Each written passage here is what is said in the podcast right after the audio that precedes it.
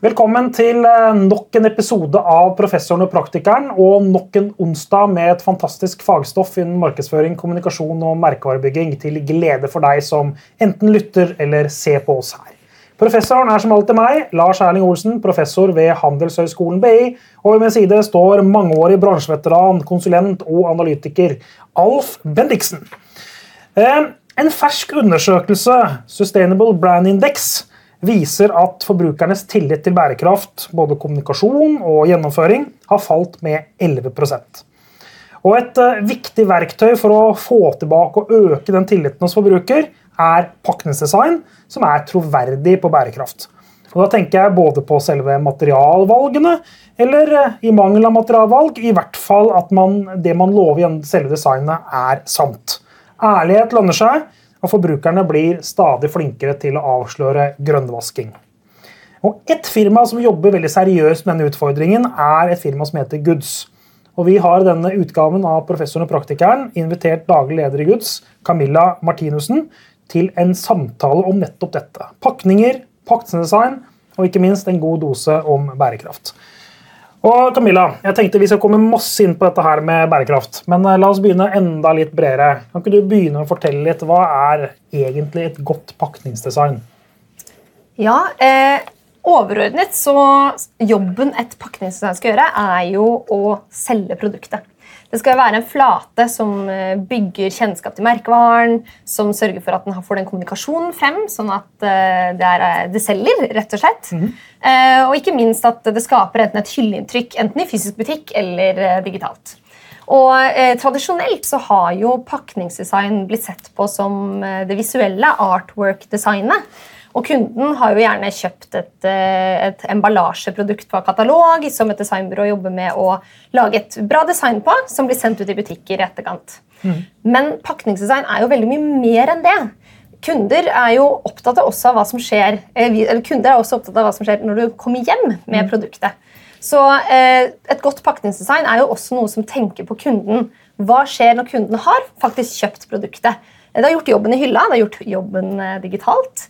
Eh, du har klikket kjøp, men hva slags inntrykk får du av merkevaren når du tar med deg produktet hjem, eller du får det sendt hjem? Så pakningsveiene har jo nå en mye større jobb også i det fysiske når du får ved unboxing eller onboarding experience. Mm -hmm. Som, unboxing er et fint ord. Det, altså det betyr når jeg tar ut av emballasjen. Du tar ut ja. av emballasjen. Begynner å ta det i bruk. Ja. Yes. Eller det kan være du får, har bestilt noe på nett og du får en shippingboks som du enten henter på posten eller får på døren. Ja. Og den opplevelsen du har av merkevaren. Følelsen av swoop når jeg åpner liksom Apple uh Yes, liksom, godt, ja. godt, eksempel, men det er jo en veldig viktig flate som mange merkevarer i dag ikke tar så godt i bruk. Og den opplevelsen du også får av merkevaren med om det er eh, for eksempel, du har kjøpt en liten lipgloss som du får tilsendt i en stor, en stor boks. Og oppi der ligger det masse emballasje, og så må du lete og grave for å finne denne lipglossen. Mm. Og så må du kaste all den emballasjen etterpå. Det skaper jo også veldig mye frustrasjon for forbrukeren. Jeg vil jo bare ha den lille lipglossen. Så det er jo også en måte å tenke på merkevaren eh, mm. og sånn merkevaren blir eh, opplevd. Så godt pakningsdesign tenker både på hylleinntrykket, men også hvordan du faktisk eh, opplever merkevaren. Men det, det, du sier nå, er det liksom i gamle dager, da, og da mener jeg virkelig gamle dager, på 60-tallet, når man lagde de fire p-ene til McCarthy, sånn, så snakket man om produkt og pris og promotion og distribusjon eller place. da. Mm. Og da var det et, en stor diskusjon rundt dette her den gangen, dette er jo fem, over 50 år siden, så var liksom Hva er et produkt? Nå snakker man om det utvidede produktbegrepet. Det er det du snakker om? Er eller er jeg, jeg er innom nå, ikke sant? Er, du er nok bedre enn meg på begreper og ja, teorien her. Det var ikke begreper og teorien jeg tenkte mer på. Jeg tenkte mer på at vi liksom forstår at vi er på samme ballpark her. at Når du, når du snakker dette med, med, emballasje og du mm. snakker om de tingene du gjør nå, så er, det, er, det, er ikke det egentlig det vi snakker om, er produktet i sin helhet. Altså, Hva er et produkt? Si. er egentlig spørsmålet. Det, er det lipglossen si. du egentlig kjøper, eller kjøper du pakka? Jeg vil si at eh, Du kjøper jo eh, produktet, men mm. du kjøper jo også merkevaren. Mm. Og eh, Derfor så er jo ja, packagingen er jo en del av produktet. Mm. på den måten. Kan man bruke pakningsdesign til å innovere i seg selv? Altså Bare det å lage et mer innovativt produkt gjennom bare designet, uten å endre liksom kjerneproduktet? Absolutt. Ja. Det er altfor alt for lite brukt. Ja, det er altfor lite brukt. Ja, fordi jeg pleier å si at noen ganger så er det viktigere å gjøre i en innovasjon på pakning enn på det du putter oppi. Fordi det er ikke sikkert det er så lett å lage en ny og bedre smak av noe som allerede er godt etablert. Altså Skal du lage en enda bedre sjokolade? Lykke til. Skal du lage enda bedre syltetøy? Kanskje du får det til. Skal du lage enda bedre brus? Coca-Cola prøv å fortelle oss nå at de er laget den beste smaken ever. Uh, men, og det skjer ikke ofte, altså. Men, uh, men det å noen av de største innovasjonene i dagligvarebransjen har jo vært pakningsdesign. Eller pakning, da. Altså Fra 033-flaske til 05. Tenk hvor mye det økte salget da, i kroner. Fra Trimykner for Blenda, som var i fjor, hvis dere husker det. Eh, som ja, og, eh, endret totalt eh, størrelsen og lettere å slå sammen. Ja, og, fra, fra, og det handler om luften. da. Altså, Singelflaske til sixpack. Ja. Nettopp. Og utnytte den emballasjen du har. Ikke mm. kjøre halv pose med chips og resten er luft hvis det ikke du trenger resten av den luften. Du trenger luften for å beskytte chipsen så den ikke går i stykker. Nettopp. Syltetøy på squeezeflaske. Ja. Største innovasjon det var jo. Ja. Så ja, Nå tok jeg det ut av munnen din. da, kanskje. Det var uh, fine, fine eksempler. Har et godt eksempel på dette her da, fra uh, min tidligere arbeidsgiver. Riktignok for mange år siden, men, uh, og det var langt etter at jeg sluttet der. Men delikat salater, altså rekesalat og den italienske salat og sånt, og de gjorde en svær pakningsdesignendring for noen år siden. Og Daværende markedssjef Sverre Jacobsen han fortalte meg da at de økte salget med 30% og det eneste de gjorde, det var pakningsdesignet. For det ble synligere i butikk gjennom mm. design. Det er godt case, da. Ja, det er godt case. Mm. Jeg tror de fikk noen priser for det. Dette er, det er sikkert ti år siden, men eh, men uh, hvor var vi? da begynte vi med masse eksempler. Nei, du, du, spurte om, uh, du spurte om pakningsdesign også kunne være en form for innovasjon. Det var det jeg var. Ja. Det stemmer. Fikk du svart på det, syns du? uh, jeg tenker jo pakningsdesignet absolutt kan være en del av, av innovasjon. Og vil jo gjerne også komme litt inn på dette med bærekraft. Det er jo vi, jo, vi, har jo 24% materialegjenvinning i Norge i dag. Mm, mm. Men det tallet skal jo dobles, eller mer enn dobles til 2025. Det skal bli 50. Og det er vi ganske langt ifra, for stort sett av de 24 er jo pant og industri. Eh, og vi som enkeltpersoner og forbrukere vi, ja, vi håndterer søppel og avfall hjemme. Men det er stort sett veldig få eh, for consumer brands som forstår den, altså enkelheten da, som de må gjøre for forbrukere, at forbrukere faktisk skal klare å gjenvinne og gjenbruke materialer. Mm. Og det er jo litt sånn som uh, tortilla, den tortillalompen som kom med både papir og plast, hvor du som forbruker sitter og du har ett sekund på å tenke hvor skal jeg kaste denne. Mm. Gå kanskje gjerne i restavfall. Åpenbart. Åpenbart. Du klipper den ikke i to, og så innser du faktisk at begge faktisk skal kastes som plast. Nei. Det innser du ikke. Nei, så det, nei, du, men du gjør jo ikke det. ikke sant? Og det er kjempeforståelig, og vi er enkle forbrukere. Unnskyld, våre... unnskyld mine barn for at jeg ikke valgte bærekraftig, men sånn ble det. Ja. Og jeg tenker også den, vi, eh, våre, altså Consumer behaviors og oppførselen som forbrukere det endrer seg også med tiden. Og Vi er jo en lavkonjunktur. Det er pris som er det vi ser etter. Det er det forbrukerne jager etter. Mm. Eh, er, så da blir vi prissensitive. Vi er i en postpandemi, så shoppingmønstrene våre har endret seg. Så Consumer Brands har jo også en stor utfordring ved at man må trigge på pris. Man må være mer digitale, mer synlige. Det er nye kanaler. Så det også å få gjennom merkevaren sin i, i, de kanalene er vanskelig nok. Men mm. jeg tror det er så mye potensial i å tenke mye smartere på pakning. For det er jo litt sånn eh, Hvem er det egentlig Det er nesten de som hører på. Hvem er det i din organisasjon som eier pakningsdesign? Ja, pakningssjefen. Hvem er pakningssjefen? Emballasjesjefen. De fantes jo gamle dager emballasjesjefer. Kanskje det fins fortsatt noen steder. Men jeg tror ikke de er de som tenker veldig design. Altså. De, nok, eh, de, kan nok tenke effektivitet og logistikk. Det tror jeg. Det er det Men de, de, de, må snakke sammen. Og når vi jobber med våre kunder, så ser vi at vi er nødt til å samle nesten flere stakeholders i en organisasjon. Fra logistikk, vi er nødt til å samle fra eh, finans, markedsføring Veldig mange ulike deler av en organisasjon må snakke sammen, fordi alle har noe med emballasjedesign å gjøre. Mm. Og eh, Vi ser jo også i våre prosjekter at når du jobber smartere med hvordan du velger hvilke materialer du velger, hvordan du setter sammen og innoverer, da, som du sier, mm. eh, pakningen til tilpasset ditt produkt, sparer du også kostnader. Mm. Og Det ser vi i alle våre prosjekter. Og det tror jeg at hvis man, hvis man blir flinkere på å lage en business case rundt pakningsdesign og hvordan du kan optimalisere det for ditt produkt og det du skal selge, så jeg er helt sikker på at du vinner både på topp og på bunnlinjen. Du får mer inntekter og lavere kostnader. Det er fantastisk, men det kommer da. Du sier smarte pakkedesign. Nå må vi høre noen, et par eksempler på noen som har lykkes, syns du. Eh, Et eksempel på det er Gjerne dere selv har jobbet med, det er lov, det òg. Ja, da tar, da tar jeg et vi har jobbet med. Ja. Eh, en, det er jeg også veldig stolt av. En vekstrakett i, i Norge. Remarkable. Eh, en Ja. Unicorn. Ja. Fantastiske produkter. Altfor dyrt. Alt- Men eh, ekstremt holdbart. Og et vanvittig bra produkt som en bruker mye i hverdagen. For de som ikke vet ja, av lytterne, og gjerne som sier si hva Remarkable er. da. Det er altså et elektronisk skrivebrett, skal vi si det, det kan vi si. som erstatter penn og papir, men du kan skrive elektronisk. Det er riktig, ikke Og du kan konvertere det du skriver til tekst, sånn at du får det på dataen etterpå. Og Nettopp. ingen notifications, ingen forstyrringselementer. Fantastisk. Og vi er ikke betalt av Remarkable. Eller du, eller du er det! Stemmer, du var det. Ja, ja. Men eh, det er de som er, og dette er jo også, kan komme litt inn på det senere, men forskjellen på som den Sustainability Brand Indexen viser jo også tilliten til nye selskaper versus de som allerede ja. eksisterer, og bærekraft. Og mindsettet de nye har. Men Remarkable de lanserte nummer én, eh, tabletten. Den gikk kjempebra. Og så eh, kom vi inn for å samarbeide med de på eh, å lage versjon to. Ja. Og dette skal også si at De har et fantastisk produktteam og eh, virkelig bra drive i selskapet. Eh, det viser jo også deres salgsresultater. Men det vi da gjorde med deres emballasje, utfordringen var jo eh, De har en tablet. Den må de kunne vise på en eller annen god måte eh, at hva den er. Den skal selge både i butikk og digitalt. Eh, og den skal shippes overalt i verden. Og, Så må kunne beskyttes òg, ikke sant? må kunne beskyttes. Det er kjempeviktig. Eh, og det vi eh, klarte å gjøre gjennom et sånt innovasjonsprosjekt på emballasje, var å få til eh, en pakning som var halvparten av størrelsen på det den forrige var. Så vi sparte 50% materialer og 50% også plass. Som gjorde at selve Nå i korona, da, når vi fikk ut dette pro produktet, så kunne de shippe 50% flere produkter enn de kunne før. Og vi vet jo shippingkrisen i korona er en fantastisk mulighet for de å selge flere. Eh, I tillegg så lagde, gjorde vi alt ut av papir. For papir er det enkleste å resirkulere verden rundt. Eh, det er fortsatt mange eh, markeder og land som ikke er der vi er i Norge. Men da har man i hvert fall en stor mulighet til å resirkulere alt. Som papir. Og funksjonaliteten og visuelle designet ble gjort på den måten at man kunne, Istedenfor at man har bilde av tabletten og bruker veldig mye blikk og trykk på å, printe det, så lagde vi det med en embossing. Det vil si altså en, eh, at eh, printen gikk liksom litt ut av emballasjen. eh, Sånn at du kunne se den reelle størrelsen på tabletten og hvor tykk den var. Den er veldig veldig tynn, så du kunne se det på siden. Istedenfor tynn var det. Ja, ja, ja. tynn var. Det var poenget. Ja. Ja. Så, og med en visuell skrift på toppen som viser hva, hvilken funksjonalitet da, som er remarkable.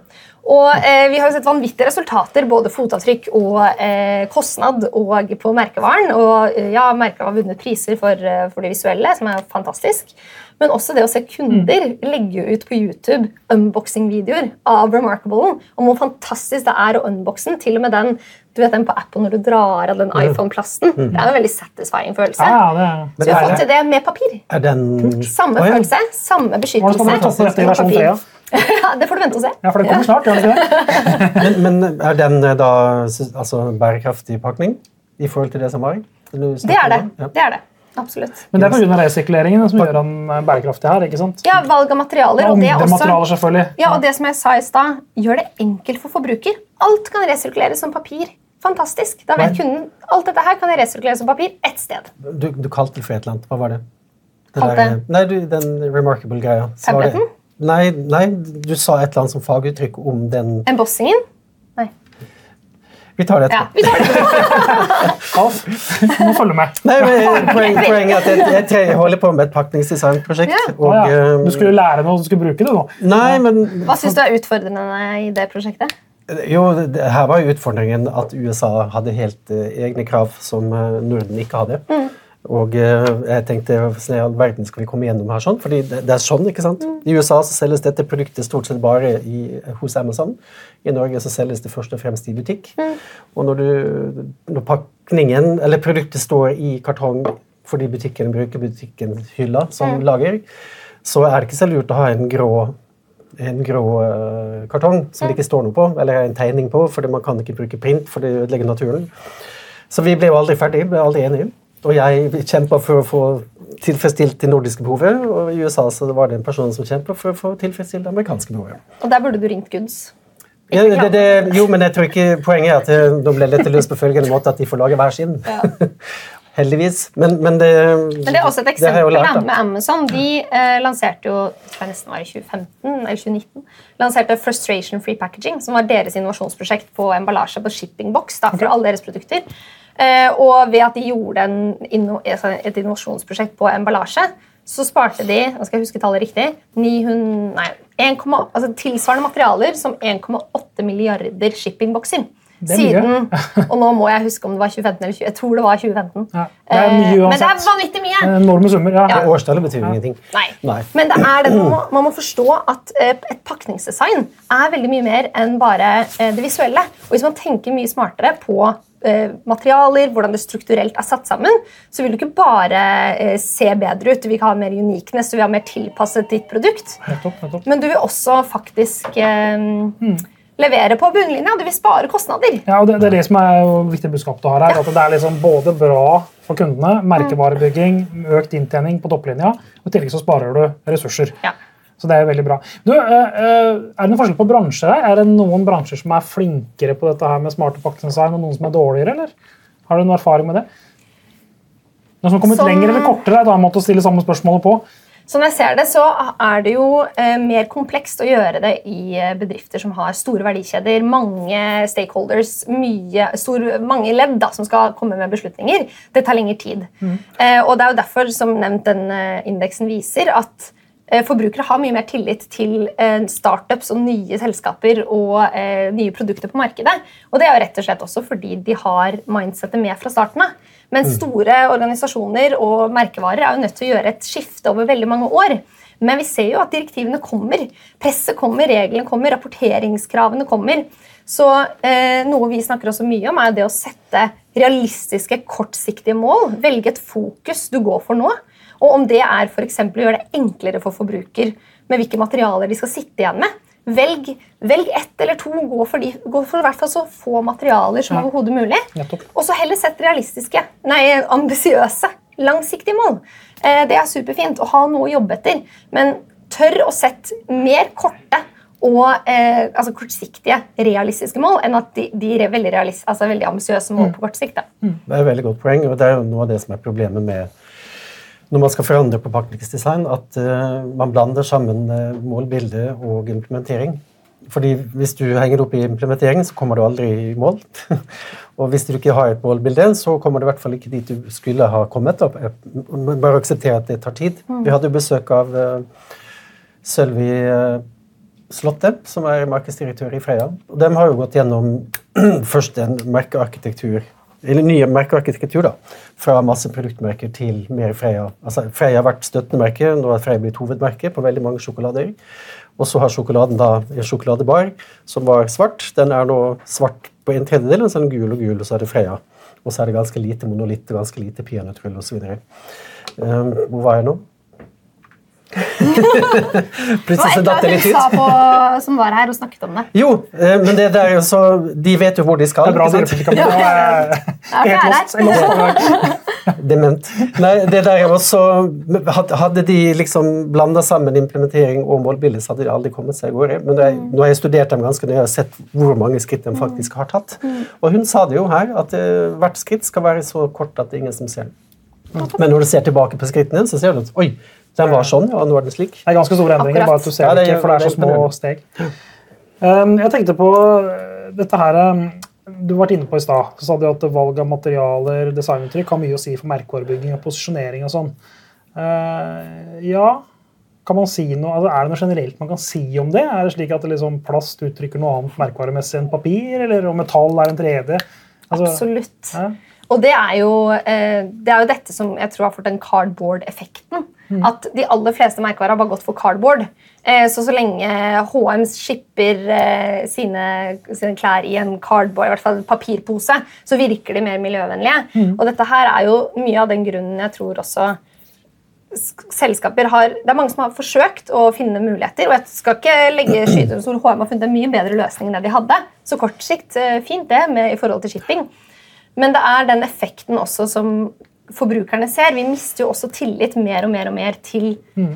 Eh, til consumer brands. Og det er jo rett og slett fordi det er en massekommunikasjon av bærekraft. Det er også en masse grønnvaskningskommunikasjon. Definitivt. Folk bruker jo claims overalt. og eh, Etter å trekke opp HMM, sånn skandalen med liksom conscious og eh, eco-friendly og recyclable, og bruke veldig mye av disse claimsene, har jo vært noe veldig mange selskaper har gjort i mange år uten at det har hatt noen egentlig betydning, eller at de måtte ha noe som backer opp claimet. Nå kommer det jo et, eh, EU, eller et, ja, et direktiv, et emballasjedirektiv som gjør at du er nødt til å ha eh, noe som backer opp claimene du har på, eh, på emballasjen.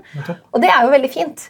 Men det gjør jo også at eh, forhåpentligvis vi kan få litt mer tilbake den tilliten fra forbrukerne. Fordi det er som du sier, det er ulike tanker om man kjøper noe i plasser, om man kjøper noe i, eh, i papir. Mm. Men, men hvor har du det fra? At uh, denne tilliten til merkevarene går ned? Har du noe tall på det? Ja, det er jo som eh, I innledningen så snakket vi om at den nye Sustainability Brand-indeksen viser at Norge er det markedet i Skandinavia, og egentlig i nesten Europa, det er i hvert fall Skandinavia, skal ikke, Som er lavest. Som er lavest, med 11 prosentpoeng fra i fjor.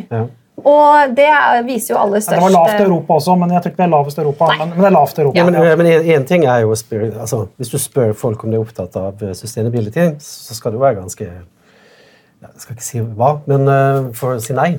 Nettopp. Sant? Men hvis du spør eh, er det viktig for deg når du skal kjøpe gulost, så er kanskje ikke det så veldig viktig. Nei. Men vi hadde jo Petter Gulli her på en episode for en god stund tilbake. snakket om bærekraftig markedsføring. og også Han var opptatt av mye det du sier nå. At du liksom må slutte å snakke om at noe er bærekraftig. Du må snakke om hvorfor det er bærekraftig. Du må ha bevis. Og gjøre det enkelt for forbruker. Eh, for bare ta et annet eksempel. som så SAS eh, har jo nå eh, gjort et fint steg i sin bærekraftsatsing, men de har lansert en egen billett som heter Smart Bio Green. eller hva den heter. Og eh, når jeg var inne, å, hva er dette, tenker jeg. Det grønn farge og grønt ikon og bio. Og så, ja, hvis du betaler hva, 300 kroner mer for billetten din, så eh, støtter du med 50% biodrivstoff til flyet. Så var jeg sånn 50 biodrivstoff? Ja, men det er sikkert. Hva betyr det? Og så klikker jeg for å lese mer. Og så var det veldig vanskelig å forstå, selv for meg, hva er det dette betyr. Jeg er ikke ganske oppdatert på det her, men eh, dette forstår jeg ikke helt. Nederst så står det vi garanterer at dette eh, kjøpet blir gjort innen tolv måneder.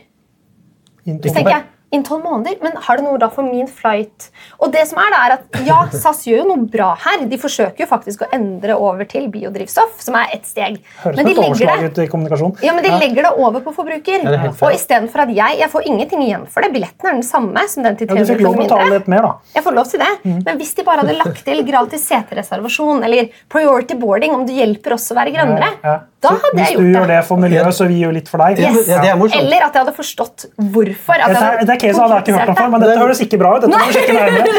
jeg, jeg, booket en SAS-billett her forleden. Ja. Og, eh, så hvis, jeg da, hvis du velger den grønne da, og sitter ved siden av meg, og jeg ikke har gjort det, så er du mer grønn enn meg. Sitter Men jeg vet jo ikke det. Nei, på I løpet av neste tolv måneder så kan hende den er mer grønn. Oh, ja, ikke på det flyet, men på, måneder på et du ikke er på kanskje en annen gang. Men hvis jeg sitter på et fly med bio og ikke har betalt noe ekstra for den, så er du Ja. Jeg skjønner ikke helt. Og her er det noe med kommunikasjonen som er litt, det virker nesten uærlig.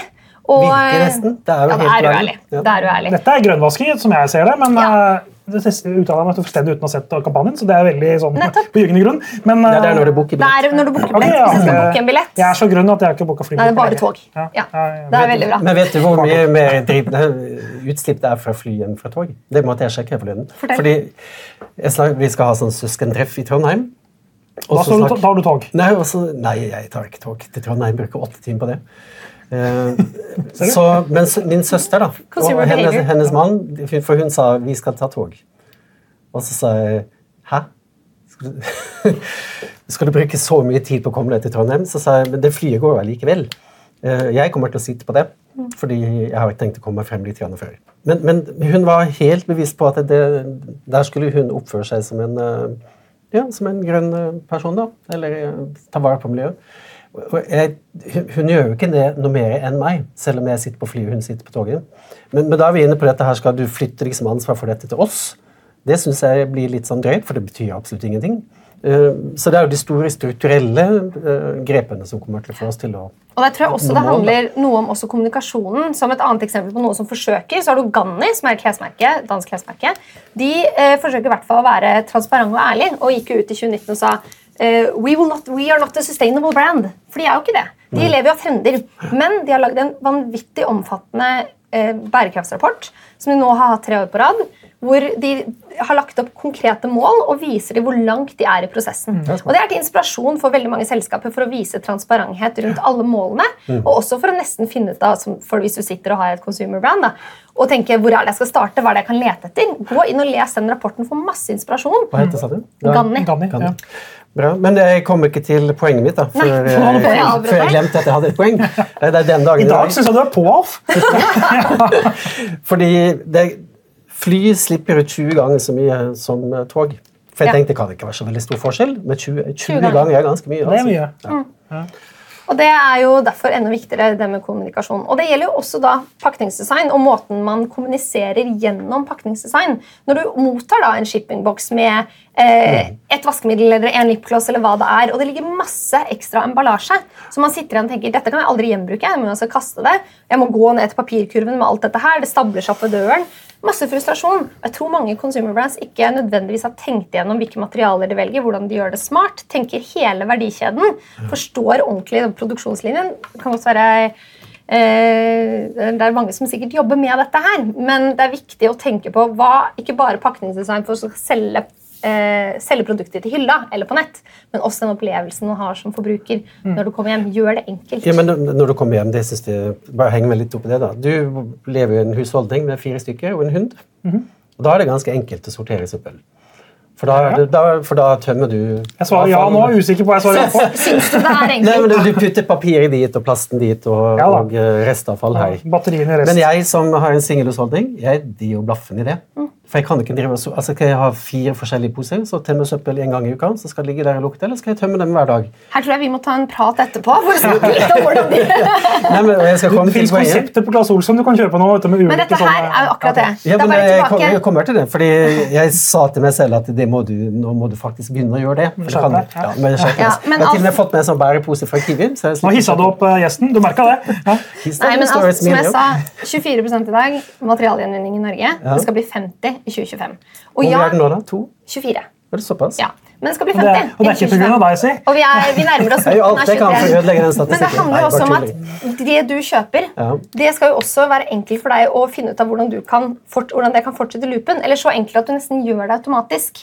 Så Consumer Brands har en, et kommunikasjonsansvar Ja, ja. -hmm. her. Og du som forbruker har også et ansvar til å gå og hente de lilla og, eh, og grønne posene. Jo, jo da, for å si det sånn, da. Nå, nå har jeg, altså Papir kaster jeg alltid i papir. Eh, restavfall har jeg nå ikke i blå poser, men eh, de få Kiwi-posene jeg har igjen, for jeg har fått dette bærenettet.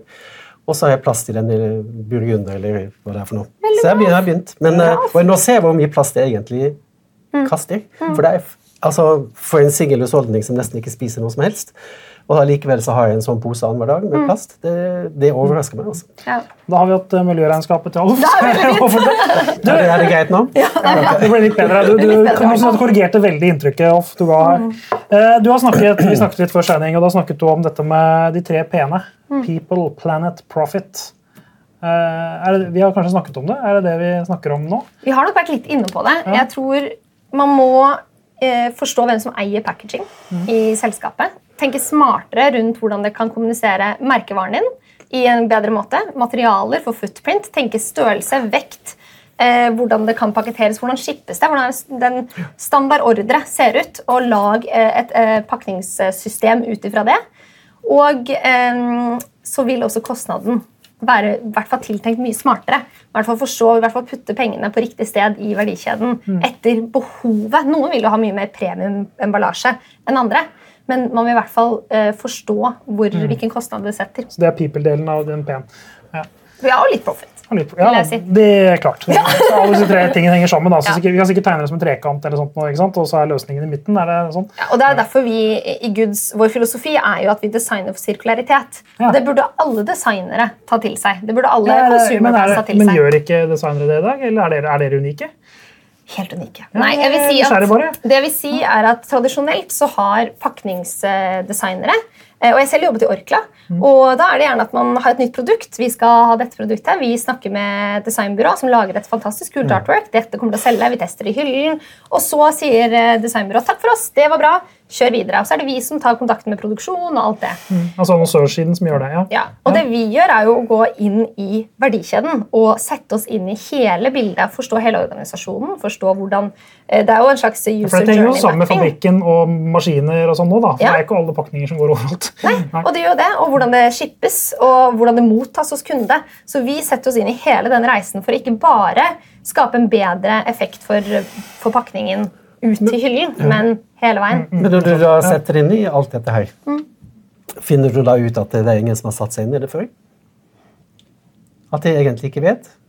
For de har, for de har liksom ikke tenkt den tanken? Fordi, jeg spør fordi uh, Jeg har jobbet en del med pakningsdesign, og det, er noe av det som har forundret meg, det er jo hvor lite de som jobber med disse merkevarene, faktisk har vært ute i butikk og sett. Eh, og et, et, et eksempel var eh, Dette er ikke min oppdragsgiver, men eh, det, det er et relativt lite produkt som er sånn, og som har vært solgt på postordre, som det het i gamle dager, altså nettbutikk i dag, mm. i liggende format. og så går vi ut i butikk og ser, og så ser vi at det, i disse hyllene så er det så lite plass at de som merchandiser, de, hvis de får et sånt format, så setter de det sånn. Og de pakningene som står sånn, du går ikke an å lese hva det er. Og den markedssjefen har nok ikke vært i butikk og sett, for hadde vedkommende gjort det, så hadde de gjort noe med akkurat det. Godt poeng. Og der er det en ting der. Bærekraft er jo innovasjon. Vi Mm. vet jo ikke hvordan vi skal gjøre dette. Og Derfor er vi også Gud så opptatt av at vi deler alt vi gjør. Vi har en indeks der vi lanserer alle materialer vi finner ut av, caser, eh, og vi er nødt til å dele. Og kanskje designbransjen har vært ganske Det er jo generelt byråbransjen er ganske hemmelig, og det er konkurranse. det Men vi, er nødt, vi, vi, kan ikke, vi kan ikke fikse verdensproblemet alene. Vi må gjøre det sammen. Så vi er nødt til å dele. Men en interessant ting der er jo som eksempel hvordan forbrukere også eh, tar eh, imot endring. Du har jo Coca-Cola-korken, som er jo Cola sitt, eh, Coca-Cola sitt eh, veldig fine eh, initiativ for å få redusert mengden av søppel og avfall som kommer på avveie. Ja, henger på sånn kok- korken henger fast. Veldig irriterende som drikke. Veldig irriterende. eh, Og dette her, ikke sant, det er akkurat det. Det blir jo masse, masse kommunikasjon fra forbrukere på veldig sinte Jeg bare forbrukere. twister nå, jeg gidder Hvordan skal jeg gjøre det? dette helt nytt? Eh, ganske. Jeg drikker ikke Coca-Cola. det det, er ikke, det er ikke bare Cola, det er kommet flere steder nå, men det er, er ikke det også blitt et EU-direktiv? Jeg lurer på om det er blitt noe EU-greier òg. Så ligger Cola litt i forkant til noe som kommer. eller sånt. Jeg lurer på om det er noe som innføres Men det er i hvert fall 24 et sånt. nå. største, en veldig stor utfordring for Cola er at Coca-Cola er at eh, korken og den ligger fra hverandre. Men som et annet eksempel så har du kanskje spist Skyr, yoghurten, eller det. Jeg ble spurt før i dag, faktisk. Jeg svarte nei da.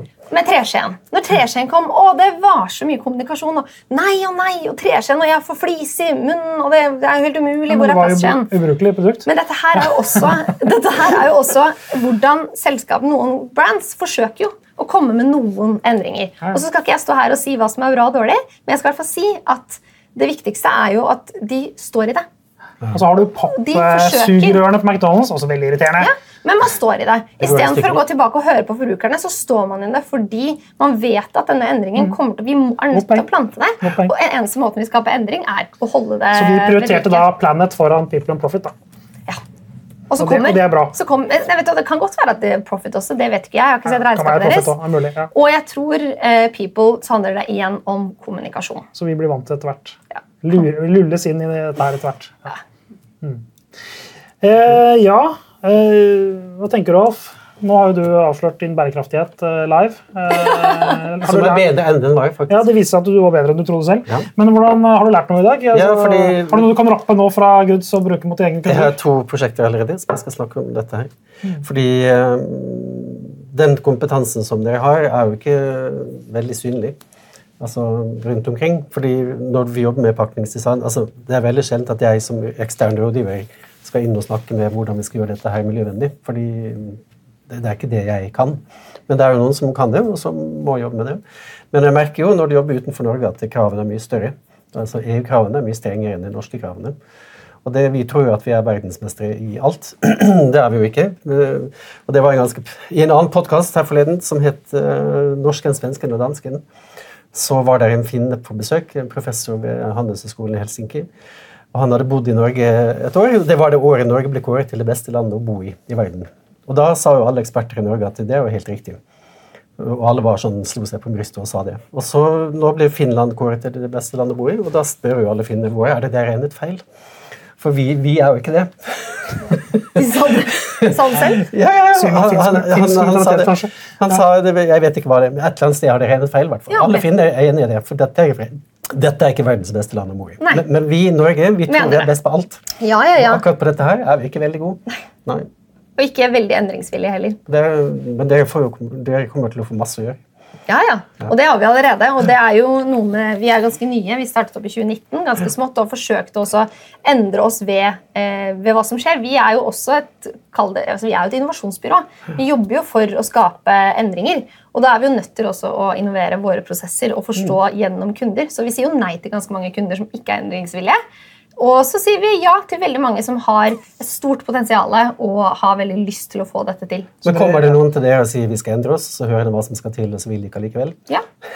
Og det har vært ett case hvor det skjedde. Eh, Fortell. og jeg kan ikke helt gå inn på detaljene, men det som var interessant, var at eh, jeg hadde da eh, en lunsj med vedkommende og snakket ganske gjennom dette her, og hvorfor nei, dere klarer det er greit.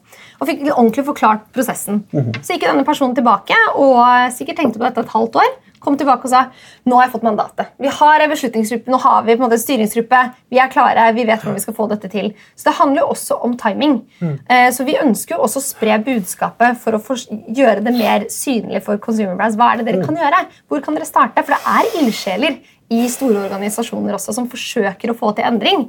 Og så må det komme fra toppen og spres nedover. Og Derfor er det viktig at, man, eh, at vi også deler, og at man eh, starter den endringsreisen uavhengig av egentlig hvor den starter. men at den starter. Og med disse ordene, tusen takk til deg, eh, Camilla Martinussen i Guds, Goods, daglig leder i Goods. Og takk til deg som også så og hørte på og lyttet til denne episoden. Og vi er tilbake neste uke med en ny og fantastisk episode i Professoren og praktikeren. Og tusen takk til hun som gjør at enhver episode i Professoren og praktikeren blir en super unboxing experience. Vår faste produsent Nora Funneland Lund.